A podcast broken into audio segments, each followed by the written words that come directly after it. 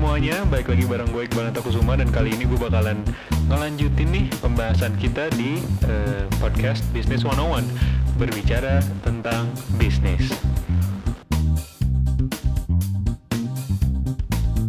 Nah kan kemarin kan kita udah ngebahas nih soal sedikit lah ya seluk beluk soal apa namanya soal UMKM maksudnya apa itu UMKM terus habis itu kita juga udah tahu uh, gimana nih kita cara ngeklasifikasiin UMKM terus kita juga udah nyinggung soal gimana sih cara bikin perizinan UMKM bikin siup uh, bikin perizinan lewat OSS dan uh, kemarin kita udah sedikit nyinggung soal perpajakan. Nah kali ini gue bakalan ngebahas soal perpajakan dalam apa ya lebih detail lagi. Kenapa? Soalnya perpajakan di Indonesia itu penting banget. Penting banget karena pertama itu tuh pertama nih buat kita nih itu menunjukkan legalitas. Terus yang kedua kita juga membantu eh, meningkatkan perekonomian Indonesia apalagi kan saat ini ekonomi Indonesia perlu dibantu ya.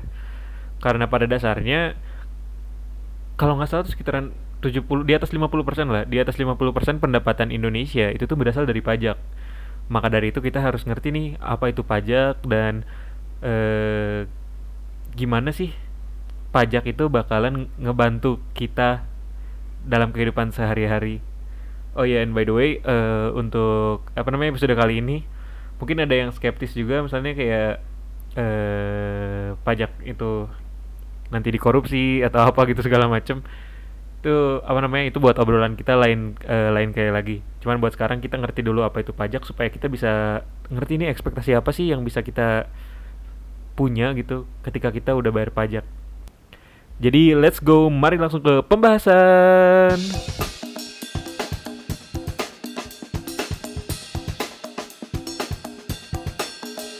Oke, masuk ke sesi satu. Sekarang kita bakalan ngobrolin soal uh, perpajakan. Jadi apa sih uh, apa namanya perpajakan itu? Jadi pajak ya. Kalau misalnya kita cari definisinya ya, pajak itu adalah kontribusi wajib kepada negara yang terutang oleh orang pribadi atau badan yang bersifat memaksa berdasarkan undang-undang dan tidak mendapatkan imbalan secara langsung dan digunakan untuk keperluan negara dan sebesar-besarnya untuk kemakmuran kemakmuran rakyat. Jadi dari pengertian itu tuh kita uh, udah ada ini kali ya, udah ada pengertian kalau apa sih pajak tuh? Pajak itu kan kontribusi wajib yang berupa uang ya. Terus pajak itu terutang oleh orang kayak kita nih masing-masing atau badan yaitu usaha yang kita punya. Terus pajak itu bersifat memaksa. Pajak itu diatur oleh undang-undang. Pembayaran pajak tidak ada balas jasa secara langsung. Jadi kalau misalnya kita bayar pajak nih 100 ribu nih pek gitu, kita nggak bakalan dapet tuh tiba-tiba di depan rumah kita. Oh karena e, misalnya gua nih Nata ya. Oh misalnya karena Nata udah bayar duit pajak 100 ribu, e, kita harus apa namanya ngaspal depan rumahnya biar rapi. Nah nggak nggak kayak gitu tuh Terus pajak digunakan untuk keperluan negara dan pajak juga digunakan untuk kemakmuran rakyat. Oke. Nah, kalau di Indonesia sendiri, pemungutan pajak itu terbagi jadi tiga sistem nih, guys. sorry, sorry. Jadi ada tiga sistem nih yang biasa digunakan uh, di negara-negara. Jadi yang pertama itu namanya self-assessment system. Jadi self-assessment system itu adalah sistem penentuan pajak yang membebankan penentuan besaran pajak yang perlu dibayarkan oleh wajib pajak yaitu kita dan badan itu secara mandiri. Jadi kita itu eh, membayar eh ya jadi kita dari mulai menghitung, membayar dan melaporkan besarnya pajak itu sendiri nih ke kantor pelayanan pajak terdekat. Atau kita juga bisa eh, menggunakan fasilitas administrasi online yang sudah dibuat oleh pemerintah. Nah, peran pemerintah dalam sistem pemungutan pajak ini adalah sebagai pengawas dari para wajib pajak Nah, self assessment biasanya diterapkan pada pajak jenis pusat, misalnya PPN atau pajak pertambahan nilai, PPH. Nah, itu itu pajak pusat tuh, guys. Jadi yang nerima itu negara bukan daerah. Nah, sistem pemungutan pajak yang satu ini mulai diberlakukan di Indonesia setelah reformasi pada tanggal eh pada tanggal pada tahun 1983 dan masih berlaku hingga saat ini. Nah, jadi cirinya self assessment system itu apa sih? Jadi kita yang nentuin ya, kita nentuin pajak terutang kita berapa. Jadi kita ngitung nih uh, pendapatan kita berapa, terus uh, kita kena pajak pasal berapa, dan apa namanya kita sendiri yang bakalan bayar dan melapor Nah, maka dari itu penting buat sebenarnya bukan cuma buat pengusaha tapi buat semua orang Indonesia untuk ngerti gimana cara bayar pajak, termasuk untuk UMKM tentunya. Nah, wajib pajak juga di eh, self assessment wajib pajak juga berperan aktif dalam menuntaskan kewajiban pajaknya. Ya kan tadi kan menghitung, membayar, melaporkan. Terus, pemerintah tidak perlu mengeluarkan surat ketetapan pajak kecuali jika wajib pajak telat, telat lapor, telat bayar pajak atau terdapat pajak yang seharusnya wajib eh, pajak bayarkan namun tidak dibayarkan. Jadi kalau misalnya surat ketetapan pajak tuh ibarat kata surat penagihan lah. Kalau misalnya kita belum atau salah atau telat bayarnya. Nah, yang kedua nih, sistem yang kedua adalah official assessment system. Official, official tuh apa sih? Official itu kan uh, ini ya resmi ya. Kalau resmi itu kan berarti kan uh, dari pemerintahnya langsung kan. Jadi official assessment system itu adalah sistem pemungutan pajak yang membebankan wewenang untuk menentukan besarannya pajak terutang kepada fiskus atau aparat perpajakan. Nah, fiskus ini teman-teman diingat ya, fiskus ini aparat perpajakan ya. Jadi eh, dia yang memungut eh, pajak dari seorang wajib pajak. Dalam sistem ini, wajib pajak bersifat pasif dan nilainya nilai pajak terutangnya akan diketahui setelah dikeluarkan surat ketetapan pajak oleh aparat perpajakan. Sistem pengambilan pajak ini biasanya diterapkan dalam pelunasan pajak daerah nih, kayak misalnya PBB. Kita bayar PBB kan sekarang macam-macam ya lewat PBB bisa lewat kantor pos, GoPay, bisa lewat Tokopedia, bisa lewat oh macam-macam lah. Sekarang nah itu tuh kan kita nggak nggak ngitung tuh. Kita cuma dapat terima slipnya nih surat ketetapan pajak, terus habis gitu kita tinggal bayar deh. Nah, cara bayarnya eh kalau lewat Gojek sih kita tinggal masukin aja uh, tujuannya. Misalnya kayak pajak kota Bandung misalnya kalau misalnya di tempatku kan pajak kota Bandung. Nah terus habis itu nanti ada yang namanya uh, nomor kode objek pajak. Tinggal dimasukin nomor kode objek pajaknya langsung kita bisa bayar di situ.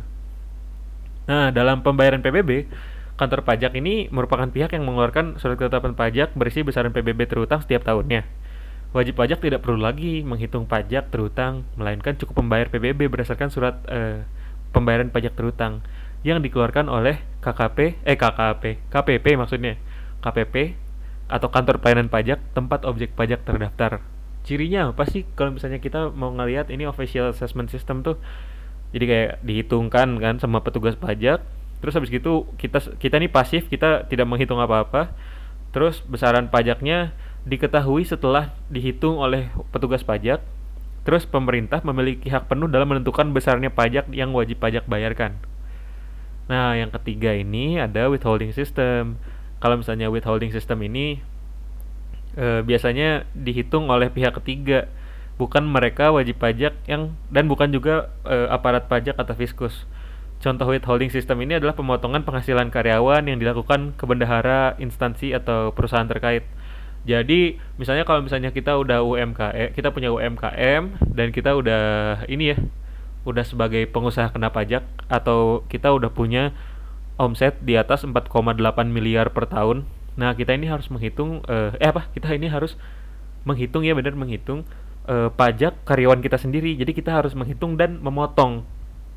Jadi karyawan tuh nggak perlu lagi tuh pergi ke kantor pajak untuk membayarkan pajak, tapi kita sebagai pemilik UMKM kita yang menghitungkannya dan memotongnya. Jadi nanti si pegawai itu langsung dapat bersih aja. Jenis pajaknya nih ya, yang menggunakan withholding system di Indonesia itu tuh adalah PPH, PPH pasal 21, PPH pasal 22, PPH pasal 23, PPH final pasal 4 ayat 2 dan juga pajak pertambahan nilai. Nah, apa apa yang eh, diperluin nih maksudnya apa yang dihasilin sama kita sebagai UMKM yang udah PKP eh, dan yang bakalan dikasihin ke si karyawan yang udah kita buk, uh, potong pajaknya. Nah, kita bikin yang namanya bukti potong atau bukti pungut. Nah, biasanya digunakan sebagai bukti atas pelunasan pajak dengan menggunakan sistem ini. Nah, untuk beberapa kasus tertentu bisa juga nih e, menggunakan sistem sistem ini nih, surat setoran pajak.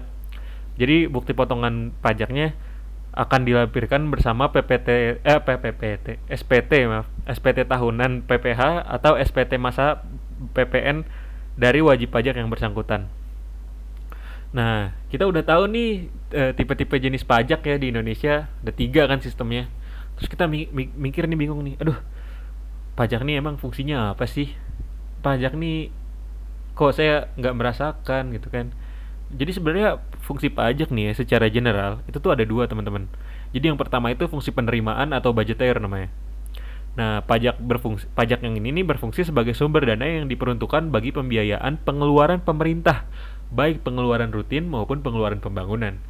Nah, untuk nomor dua nih fungsinya adalah fungsi mengatur, misalnya dalam arti fungsi reguler. Jadi ini pajaknya berfungsi sebagai regulasi nih, berfungsi sebagai alat untuk mengatur atau melaksanakan kebijakan-kebijakan di bidang sosial dan ekonomi. Jadi eh ini sebagai contoh nih ya biar langsung dapat aja nih. Jadi misalnya sebagai contoh dikenakan pajak yang tinggi terhadap minuman keras supaya apa namanya harga minuman keras mahal kan. Terus jadi dapat ditekan tuh konsumsinya.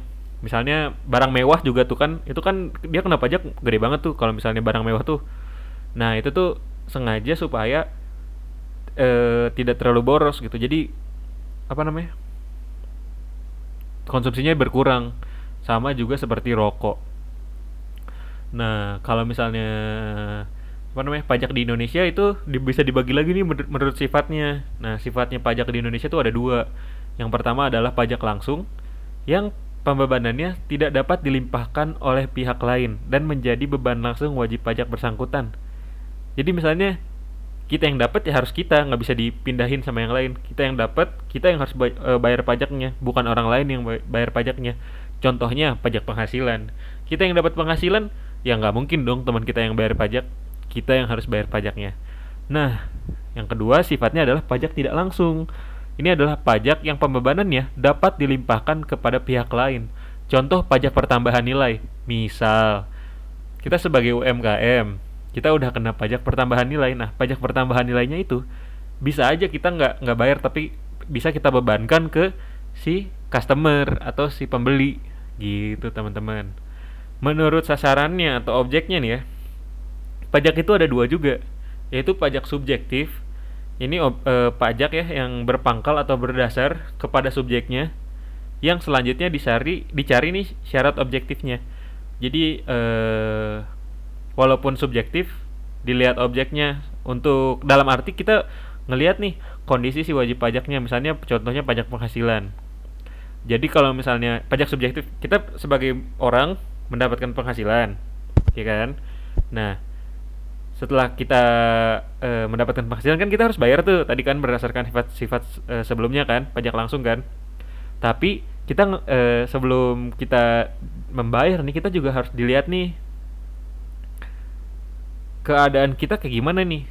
Apakah gaji kita e, besar atau kecil kalau misalnya nah ini nanti bakalan bergantung ke si uh, apa namanya si besarannya pajak yang kita dapetin. Jadi misalnya nanti kita eh yang harus bayarkan. Jadi misalnya kalau misalnya uh, seseorang yang gajinya tidak besar dia bakalan bayar pajaknya kecil atau bahkan tidak bayar pajak sama sekali. Sedangkan orang yang uh, apa namanya pajak penghasil apa penghasilannya besar maka pajak yang dibayarkannya juga besar. Gitu. Itu pajak subjektif tuh. Jadi walaupun dilihat subjeknya kita ngelihat objeknya terus kita memperhatikan keadaan diri si wajib pajaknya.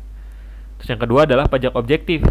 Nah pajak objektif ini adalah pajak yang berpangkal atau berdasarkan pada objeknya tanpa memperhatikan keadaan diri wajib pajak.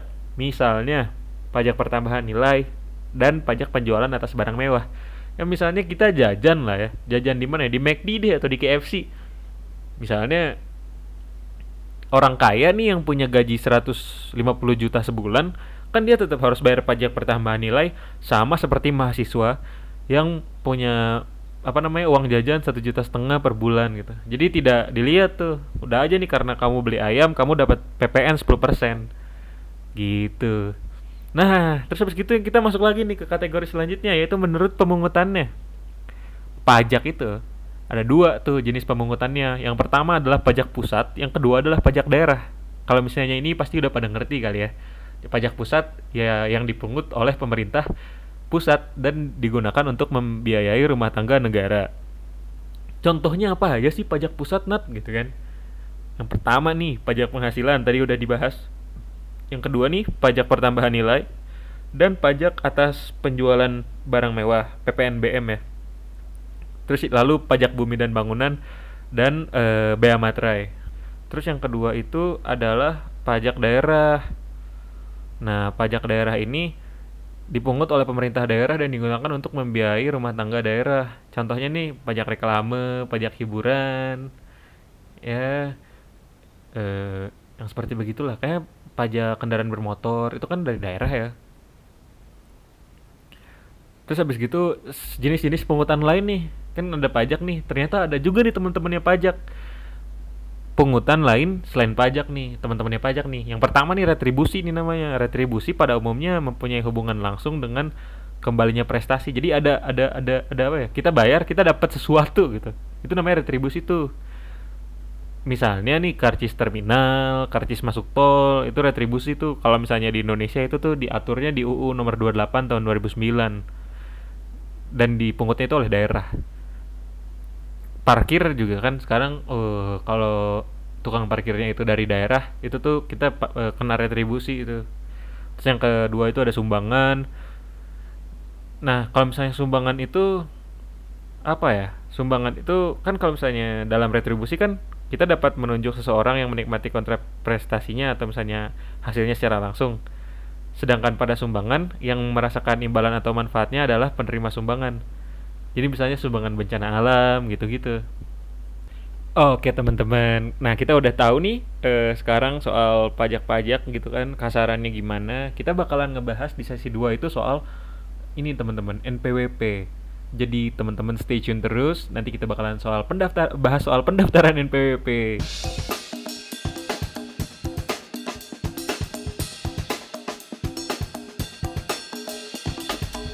Udah masuk sesi 2 nih teman-teman. Sekarang kita bakalan ngebahas soal NPWP. Jadi kita bakal ngebahas soal pendapatan NPWP dan jenis-jenis eh, apa ya? Orang yang harus punya NPWP. Atau orang ini saya artikan tuh sebagai ini ya wajib pajak. Berarti bisa orang dan bisa eh, badan. Badan usaha. Jadi kalau misalnya kita ngebahas soal NPWP nih ya. NPWP itu sebenarnya ibarat KTP jadi NPWP atau nomor pokok wajib pajak itu pada dasarnya merupakan identitas atau tanda pengenal bagi wajib pajak. NPWP merupakan sarana dalam e, administrasi perpajakan yang digunakan oleh wajib pajak dalam melaksanakan hak dan kewajibannya. Sejak 1 April 2001 nih teman-teman, NPWP itu terdiri dari 15 digit. NPWP ini berfungsi sebagai sarana dalam pelaksanaan hak dan kewajiban perpajakan jadi oleh karena itu kepada setiap wajib pajak hanya diberikan satu NPWP. Jadi saya e, sebagai orang kalau misalnya udah punya penghasilan, saya punya satu NPWP, nggak mungkin dua. Usaha bisa usaha misalnya PTA, nah itu harus punya e, satu NPWP, nggak mungkin dua. CVA cuma punya satu, nggak mungkin dua. Gitu teman-teman. Nah NPWP itu juga dipergunakan ya untuk menjaga ketertiban ketertiban dalam pembayaran e, pajak dan dalam pengawasan administrasi perpajakan. Jadi dalam hal berhubungan e, dengan dokumen perpajakan, wajib pajak ini diwajibkan untuk mencantumkan NPWP yang dimilikinya. Terhadap wajib pajak yang tidak mendapat e, apa mendaftarkan diri untuk mendapatkan NPWP dikenakan sanksi sesuai peraturan perundang-undangan perpajakan. Nah, Kewajiban untuk memiliki NPWP ini merupakan kewajiban bagi setiap wajib pajak. Ini tidak bisa ditolak karena sudah ditegaskan di dalam pasal 2 ayat 1 Undang-Undang Nomor 16 Tahun 2019 tentang UU KUP atau Undang-Undang Ketentuan Umum dan Tata Cara Perpajakan. Nih ya, di pasal 2 ayat 1 dinyatakan bahwa setiap wajib pajak wajib mendaftarkan diri pada kantor Direktorat Jenderal Pajak yang wilayah kerjanya meliputi tempat tinggal atau tempat berkedudukan wajib pajak dan kepadanya diberikan NPWP. Dalam praktiknya, memang tidak semua WP atau wajib pajak diwajibkan untuk ber-NPWP. Hal tersebut merupakan fasilitas yang diberikan oleh peraturan perpajakan. Wajib pajak yang tidak wajib untuk ber-NPWP adalah wajib pajak nih teman-teman orang pribadi yang memiliki penghasilan tidak mem tidak melebihi penghasilan tidak kena pajak dalam satu tahun pajak Nah, satu tahun pajak ini adalah satu tahun biasa ya, satu tahun normal kita. Jadi dari 1 Januari sampai 31 Desember. Pemerintah dan Dewan Perwakilan Rakyat dapat menyesuaikan besaran PTKP setelah mempertimbangkan perkembangan ekonomi dan moneter, serta perkembangan harga kebutuhan pokok setiap tahunnya. Nah, sesuai pasal 7 Undang-Undang Penghasilan, Pajak Penghasilan, maaf, nomor 36 tahun 2008 UU PPH yang paling baru nih teman-teman, besaran PTKP terakhir nih sesuai PMK atau Peraturan Menteri Keuangan nomor 10 tahun 2016 yang berlaku dari 20 Ju 22 Juni 2016 itu uh, sebagai berikut teman-teman. Jadi PTKP ini penghasilan tidak kena pajak ini yang pertama nih 54 juta rupiah untuk wajib pajak orang pribadi. Lalu 4 juta setengah tambahan untuk wajib pajak yang kawin. Terus 54 juta lagi tambahan bagi seorang istri yang penghasilannya digabung dengan penghasilan suami sebagaimana dimaksud dengan pasal 8 ayat 1. Terus tambahan lagi nih poin 4 nih 4 juta 500 ribu rupiah tambahan untuk setiap anggota keluarga sedarah dan keluarga semendak dalam garis keturunan yang lurus ya, serta anak angkat yang tangguh yang ditanggung sepenuhnya oleh wajib pajak dan paling banyak tiga orang untuk setiap keluarga. Nah di sini gue mau jelasin sedikit nih. Kita kasih contoh aja nih ya, buat ilustrasi A nih, 54 juta untuk wajib pajak orang pribadi. Misalnya saya nih, saya nih, hidup di Indonesia, PTKP saya itu 54 juta sendiri ini saya masih jomblo nih tidak punya apa-apa tidak punya istri lalu tahun 2030 misalnya saya menikah nih nah saya mendapatkan tambahan nih PTKP atau penghasilan tidak kena pajak 4 juta setengah. Jadi total saya 58 juta 500 terus kalau misalnya nih istri saya juga bekerja dan tidak ada perjanjian kalau misalnya kita ingin memisahkan harta masing-masing. Tidak ada tidak ada apa namanya tidak ada hak pemisahan harta tuh kontrak apa perjanjian pemisahan harta atau misalnya istri nih mau nih untuk menyatukan hartanya bersama saya nah nanti NPWP-nya NPWP saya nih yang dipakai terus nanti 58 juta 500 ditambah lagi sama 54 juta. Itu totalnya jadi berapa tuh? 108 112 juta 500 tuh totalnya. Itu satu tahun untuk berdua. Nah terus misalnya saya punya anak dua tambah lagi tuh 4 juta setengah kali dua untuk poin D tuh ya. Jadi totalnya e, berapa tadi berapa sih? 512 juta 500 tambah 9 juta tuh berarti sekitaran 513 juta ya? Saya lupa saya nggak pakai kalkulator ya. Kali dua ditambah 4,5 ya kan? Nah itu jadinya berapa nih? Bentar. jadinya banyak lah pokoknya jadi 121 juta 500 terus misalnya nih tiba-tiba uh, saya ingin menanggung orang tua saya, orang tua saya ini tidak bekerja dan lain sebagainya. Itu masih sedarah tuh, teman-teman. Sedarah ini vertikal ya, maksudnya sedarah vertikal itu adalah hanya ayah, ibu, dan anak gitu jadi tidak bisa tuh kita menanggung saudara itu tidak bisa tidak tidak tidak, tidak apa tidak menambah PTKP atau penghasilan tidak kena pajak atau kita juga bisa e, menanggung anak angkat yang sudah dibuktikan di pengadilan. Jadi kita sudah punya surat dari pengadilan kalau misalnya memang ini anak angkat kita dan kita e, yang mengurus dan menanggung anak tersebut. Gitu. Jadi total nih maksimal apa namanya maksimal satu orang nih WP wajib pajak eh punya PTKP itu 126 juta satu tahun. Itu tuh wajib pajak yang kawin disatukan penghasilannya terus habis gitu eh, punya tiga tanggungan atau tiga anak. Mungkin ada yang bertanya nih eh bang Nata gitu kan. Kalau misalnya istri saya dua gimana? Boleh nggak? Waduh nggak boleh. Nggak boleh kalau di mata perpajakan yang diakui hanya satu ya teman-teman semuanya.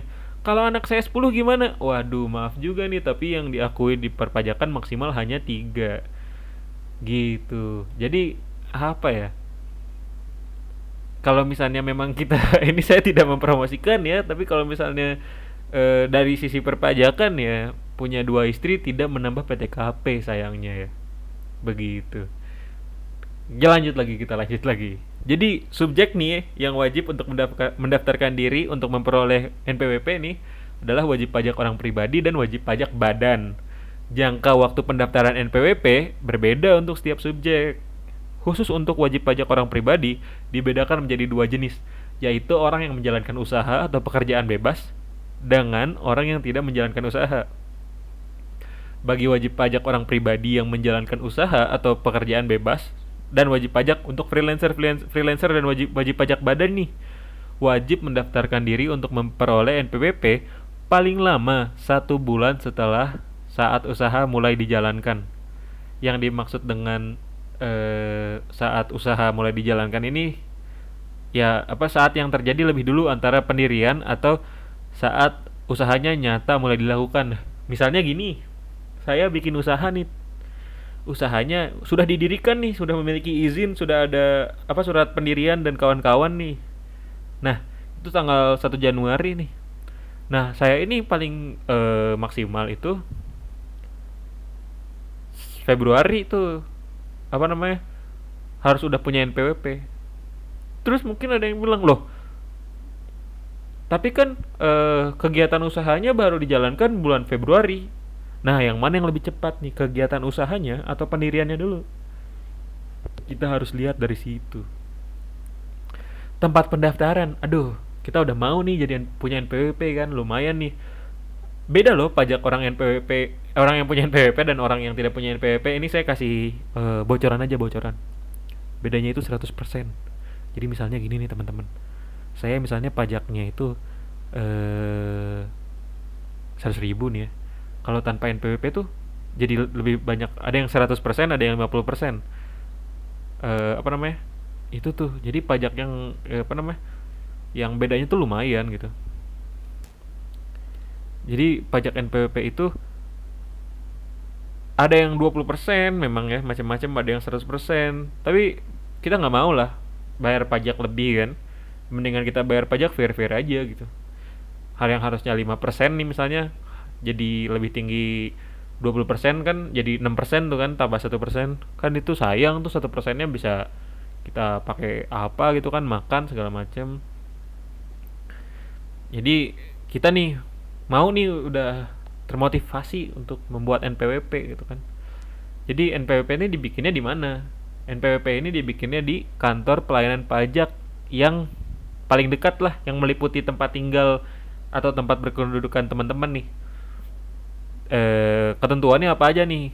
Nah jadi wajib pajak orang pribadi nih yang melakukan kegiatan usaha di beberapa tempat juga wajib mendaftarkan diri ke, ke kantor pelayanan pajak yang wilayah kerjanya meliputi tempat tempat kegiatan usaha WP jadi kalau kita punya banyak apa ya kalau misalnya kita punya banyak usaha gitu nah usahanya tuh harus didaftarin di tempat yang ini yang harus yang KPP-nya itu yang diliputi oleh KPP misalnya yang satu di Bandung yang satu di Tasik yang satu di Jogja nah itu tiga itu tuh harus didaftarin ke KPP masing-masing. Jadi masing-masing punya NPWP tidak ada kalau misalnya kita tidak mem memutuskan untuk tidak memusat memusatkan eh, pajak penghasilan. Dalam hal tempat tinggal nih ya atau tempat kedudukan wajib pajak berada dalam dua wilayah atau lebih kerja KPP eh, jadi kita dapat memilih aja salah satu yang mana gitu. Cara pendaftarannya nih Wajib pajak orang pribadi dengan kemauan sendiri dapat mendaftarkan diri untuk memperoleh NPWP dengan cara mendaftarkan diri untuk memperoleh NPWP ke KPP domisili tempat tinggal orang pribadi atau tempat kedudukan WP badan. Tata cara NPWP adalah e, gini nih. Bagi karyawan pendaftaran NPWP dapat dilakukan sendiri ataupun melalui pemberi kerja. Jadi kalau misalnya kita udah mau kerja, eh apa kita kerja sama orang bisa tuh kita minta ke pemberi kerja kita eh tolong bikin NPWP dong atau kita bi bisa apa namanya bisa bikin sendiri datang aja langsung ke eh, apa ke KPP jadi NPWP ini sebenarnya dapat diperoleh itu sebenarnya ada tiga cara gitu. Jadi kita sendiri nih datang terus pendaftaran melalui pemberi kerja atau enggak diberikan secara jabatan. Tidak semua wajib pajak. Ini eh, apa namanya dapat tuh.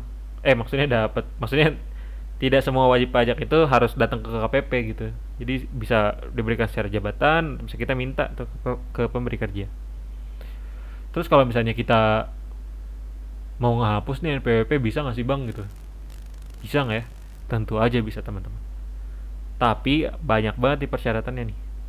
Jadi berdasarkan PMK nih ya peraturan Menteri Keuangan nomor 20 sama PMK nomor 3 tahun 2008 penghapusan NPWP itu hanya dapat dilakukan kalau misalnya dalam beberapa kondisi aja. Yang pertama, misalnya ada permohonan nih dari NPWP eh dari wajib pajaknya untuk menghapus NPWP eh, karena sudah tidak memenuhi persyaratan subjektif atau objektif sesuai dengan ketentuan peraturan perundang-undangan perpajakan. Misalnya kalau misalnya kita udah tua gitu kan, terus gaji kita udah nggak di atas PTKP, kita bisa sebenarnya minta untuk NPWP dihapus gitu. Terus misalnya wajib pajak badan nih dalam rangka likuidasi atau pembe pembubaran amit-amit ya teman-teman semoga usaha kita selalu lancar. Karena penghatian atau penggabungan usaha gitu. Terus wanita nih yang sebelumnya udah memiliki NPWP terus menikah nih tanpa membuat perjanjian pemisahan harta dan penghasilan itu boleh tuh wanitanya dihapus NPWP-nya nanti ikut NPWP suami terus wajib pajak bentuk usaha tetap yang menghentikan kegiatan usahanya di Indonesia. Ini saya kayak kayak apa ya kayak Nissan ya atau Ford gitu saya lupa itu. Atau Chevrolet Chevrolet ya. Chevrolet kan hengkang tuh dari Indonesia tuh sekarang udah tidak tidak meng, tidak berusaha di Indonesia. Nah NPWP-nya juga dicabut dia pasti. Terus kalau misalnya penghapusan NPWP bagi wajib pajak wanita kawin tidak dengan perjanjian pemisahan harta dan penghasilan dapat dilakukan dengan ketentuan bahwa suami telah terdaftar sebagai wajib pajak dan berlaku sejak awal tahun berikutnya setelah tahun perkawinan dilaksanakan. Ngerti nggak tuh? Saya juga rada bingung nih. Tapi intinya kalau misalnya WP wanita nih kawin nih terus tidak ada pemisahan harta kita itu suami itu harus sudah terdaftar sebagai wajib pajak sejak awal tahun berikutnya setelah tahun perwakilan perkawinan. Jadi 2020 2001 tuh harus sudah jadi WP gitu. Berkas apa aja nih yang WP wanita kawin yang NPWP-nya ingin dihapus itu harus punya? Jadi berkasnya itu harus diserahkan ke KPP ya. Yang tempat daftar nih KPP-nya ya bukan KPP misalnya daftar di Bandung ngirim ke KPP Jogja nanti orang Jogja bingung Hah, siapa nih nggak kenal? gitu kan. Nah jadi kita harus e, ngasih berkas nih ke tempat KPP wanita itu kan nanti juga e, KPP itu bakalan ngirim berkas ke tempat suami daftar nanti disertai uraian singkat nih berdasarkan sejarah pelaksanaan kewajiban perpajakannya. Jadi nanti dimasukin tuh sama wajib pajak suami. Lalu habis itu bisa juga dapat digabungkan dengan berkas wajib pajak suami dalam hal wajib pajak wanita kawin terdaftar pada KPP yang sama dengan tempat suami ter terdaftar. Jadi kalau misalnya saya orang Bandung, istri saya orang Bandung, nanti ya itu tinggal digabungkan aja sama si KPP-nya jadi cuman tinggal lapor di satu kantor. Kalau misalnya beda nah itu kita eh, apa namanya harus ini harus lapor juga tuh di ke tempat yang KPP-nya suami itu. Terus kita mau lanjut lagi nih ke sesi 3 sesi 3 ini kita bakalan ngebahas soal pengusaha-pengusaha nih yang eh, ditetapkan sebagai pengusaha kena pajak. Siapa sih pengusaha yang kena pajak itu? Dan apa bedanya pengusaha kena pajak atau pengusaha yang sudah dikukuhkan sebagai pengusaha kena pajak dengan pengusaha yang belum dikukuhkan sebagai pengusaha kena pajak? Kita bakalan bahas di sesi 3 teman-teman. Jadi buat teman-teman nih yang pengen tahu soal perpajakan UMKM, stay tune terus. Kita bakalan bahas di sesi 3. Istirahat dulu ya. Skip!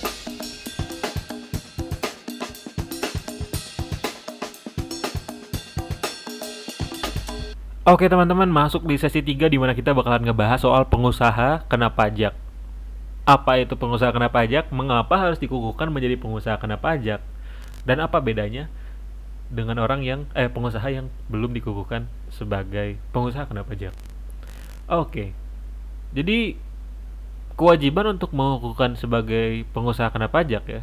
Kita misalnya pengusaha kena pajak eh kita misalnya pengusaha dikukuhkan sebagai pengusaha kena pajak hanya dilakukan oleh pengusaha baik orang maupun badan yang melakukan nih penyerahan barang kena pajak di dalam daerah pabean atau di Indonesia ya. Yang kedua nih, penyerahan jasa kena pajak dalam daerah pabean atau daerah Indonesia atau orang yang mengekspor atau badan yang mengekspor barang kena pajak. Nah, pelaporan untuk dikukuhkan menjadi pengusaha kena pajak wajib dilakukan sebagai pengu sebelum pengusaha yang bersangkutan melakukan penyerahan BKP atau JKP. BKP ini singkatan dari bada, ba, apa badang barang kena pajak ya dan JKP ini jasa kena pajak. Saya takutnya nanti nggak nggak saya jelasin saya singkat-singkat gitu.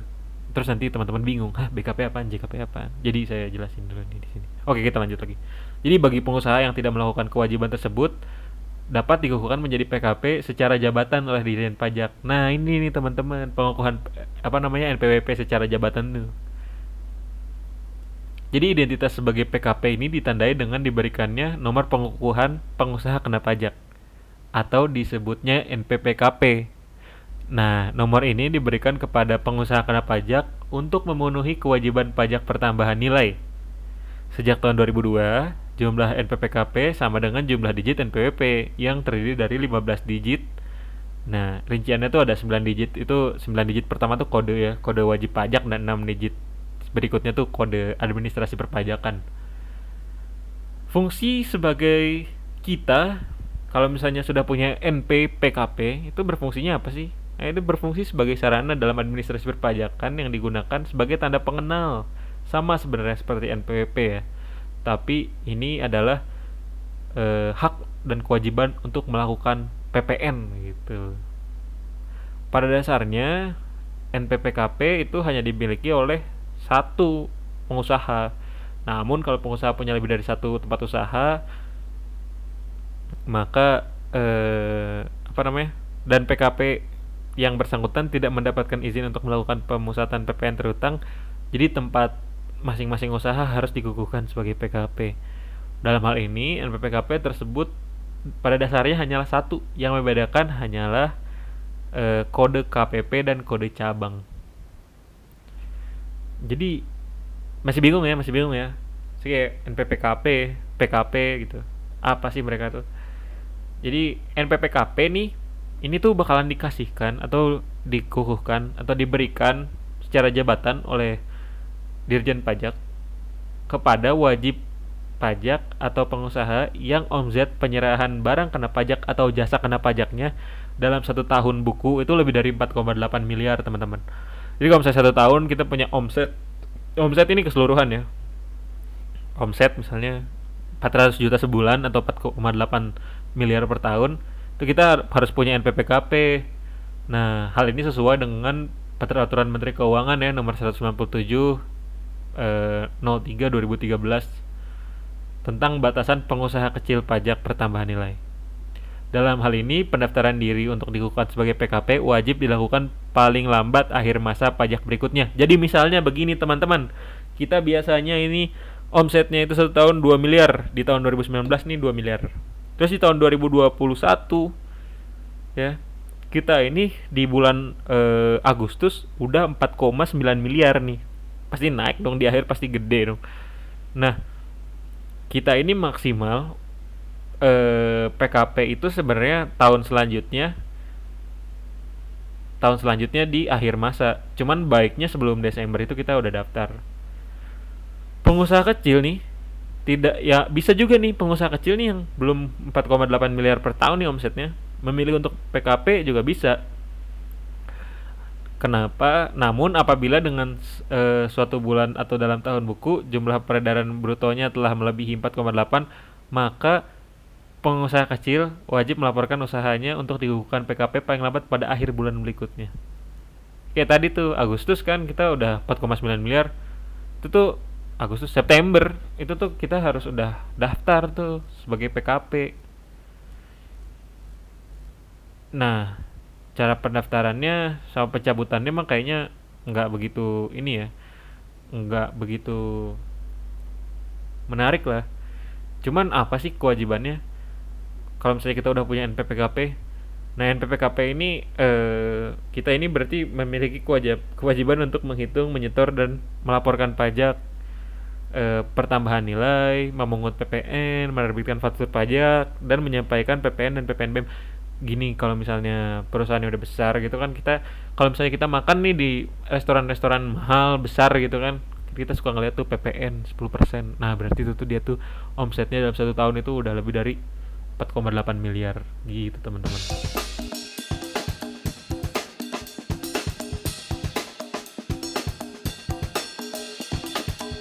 Nah, untuk beda di tarifnya nih teman-teman ya. Sebenarnya kalau misalnya PKP itu kena tarifnya itu kalau nggak salah tuh tarif progresif ya mengikuti tarif pasal 17. Jadi kalau misalnya apa namanya? 5% kali 50 juta, terus 15% kali 200 juta, 25% kali 150 juta, jadi terus-terusan naik terus sampai kalau nggak salah berapa ya? Sampai paling gede 25% atau 30% gitu saya tuh lupa 30% bener. 30% kalau misalnya di atas 500 juta ya. Itu tuh terus jadi kalau PKP gak, apa namanya si pajaknya lumayan besar.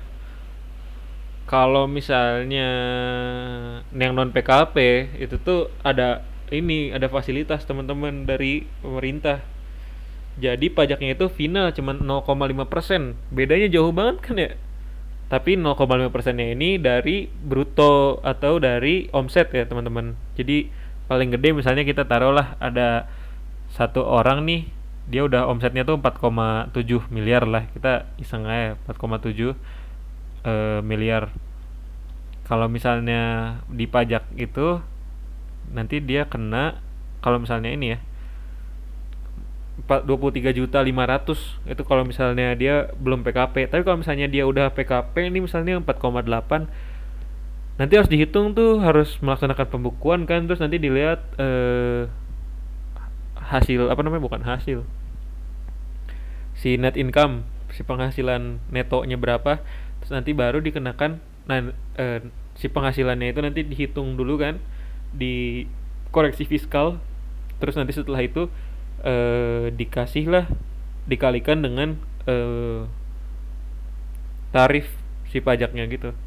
Kalau misalnya setelah dihitung nih, setelah dikoreksi fiskal, setelah nanti koreksi fiskal, aduh saya agak bingung ya ngejelasinnya gimana, tapi koreksi fiskal boleh dicari tuh di internet, itu menarik tuh. Jadi nanti kan ada net income tuh atau penghasilan neto. Nah, nanti dihitung dulu tuh. E, dikoreksi fiskal dulu, nanti dapat penghasilan kena pajak misalnya penghasilan kena pajaknya itu 500 juta misalnya. Nanti si 500 jutanya itu nanti dikalikan dengan tarif pasal 21 eh pasal 21 aduh maaf nih saya udah ada error. Pasal 17 pasal 17 saya 500 juta nih dia punya 500 juta. 500 juta dikali 500 juta tuh nanti kena pajak progresif. Nanti 500 juta itu kalau dari yang awal nih 50 per, eh dari yang awal dari 0 sampai 50 juta itu kena 5 persen. Itu maksimal dua setengah juta.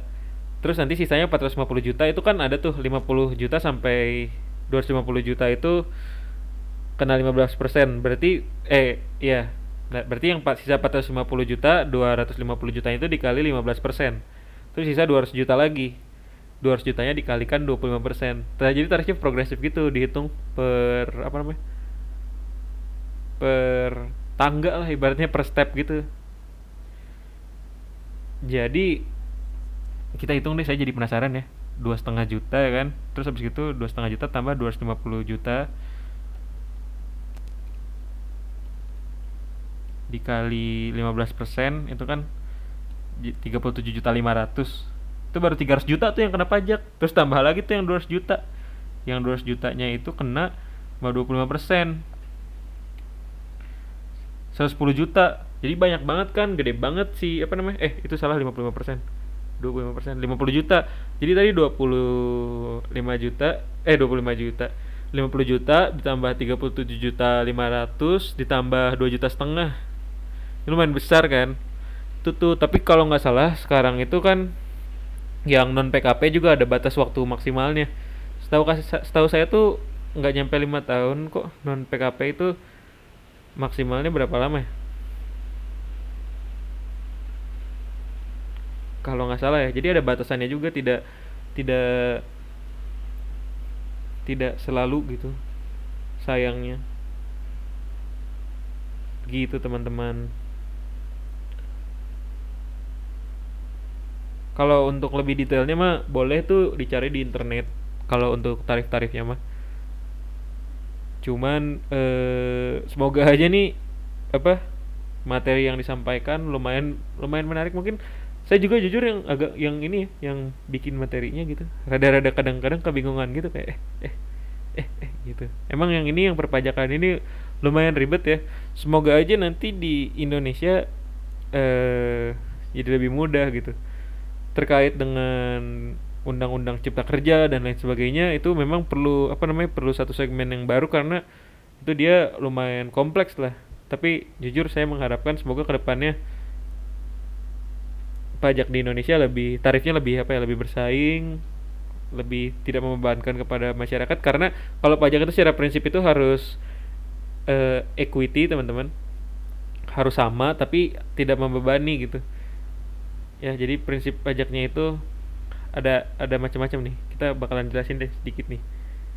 Jadi pajak itu ada ininya. Ada asas-asasnya teman-teman. Asasnya itu adalah asas equality ya. Jadi asasnya tuh harus pemungutan pajak itu harus bersifat final adil merata kan dengan memandang atau mem memasukkan uh, ke dalam faktor si kemampuan pembayar pajaknya juga. Terus pajak juga harus certain ya tidak bisa ditentukan sewenang-wenang. Jadi harus pasti gitu si pajak tuh. Terus pajak juga harus memudahkan masyarakat nih tidak boleh menyulitkan wajib pajak untuk membayar gitu. Terus pajak juga secara ekonomi harus dapat apa namanya dipikul oleh pewajib pajak gitu. Jangan sampai memberatkan gitu. Jadi eh, tidak boleh tidak menyusahkan. Kalau misalnya teman-teman tertarik ada yang namanya arms length principle nah coba dicari di internet itu arms length principle. Nah itu jadi kalau misalnya kita itu harus sama gitu. Bebannya tuh beban orang kaya dengan beban orang eh, menengah dengan beban orang kurang mampu itu tuh harus sama gitu. Walaupun secara nominal beda tapi si perasaannya tuh harus sama gitu. Bahwa kita memang membayar tuh sebegitu sesuai kemampuan kita. Gitu teman-teman.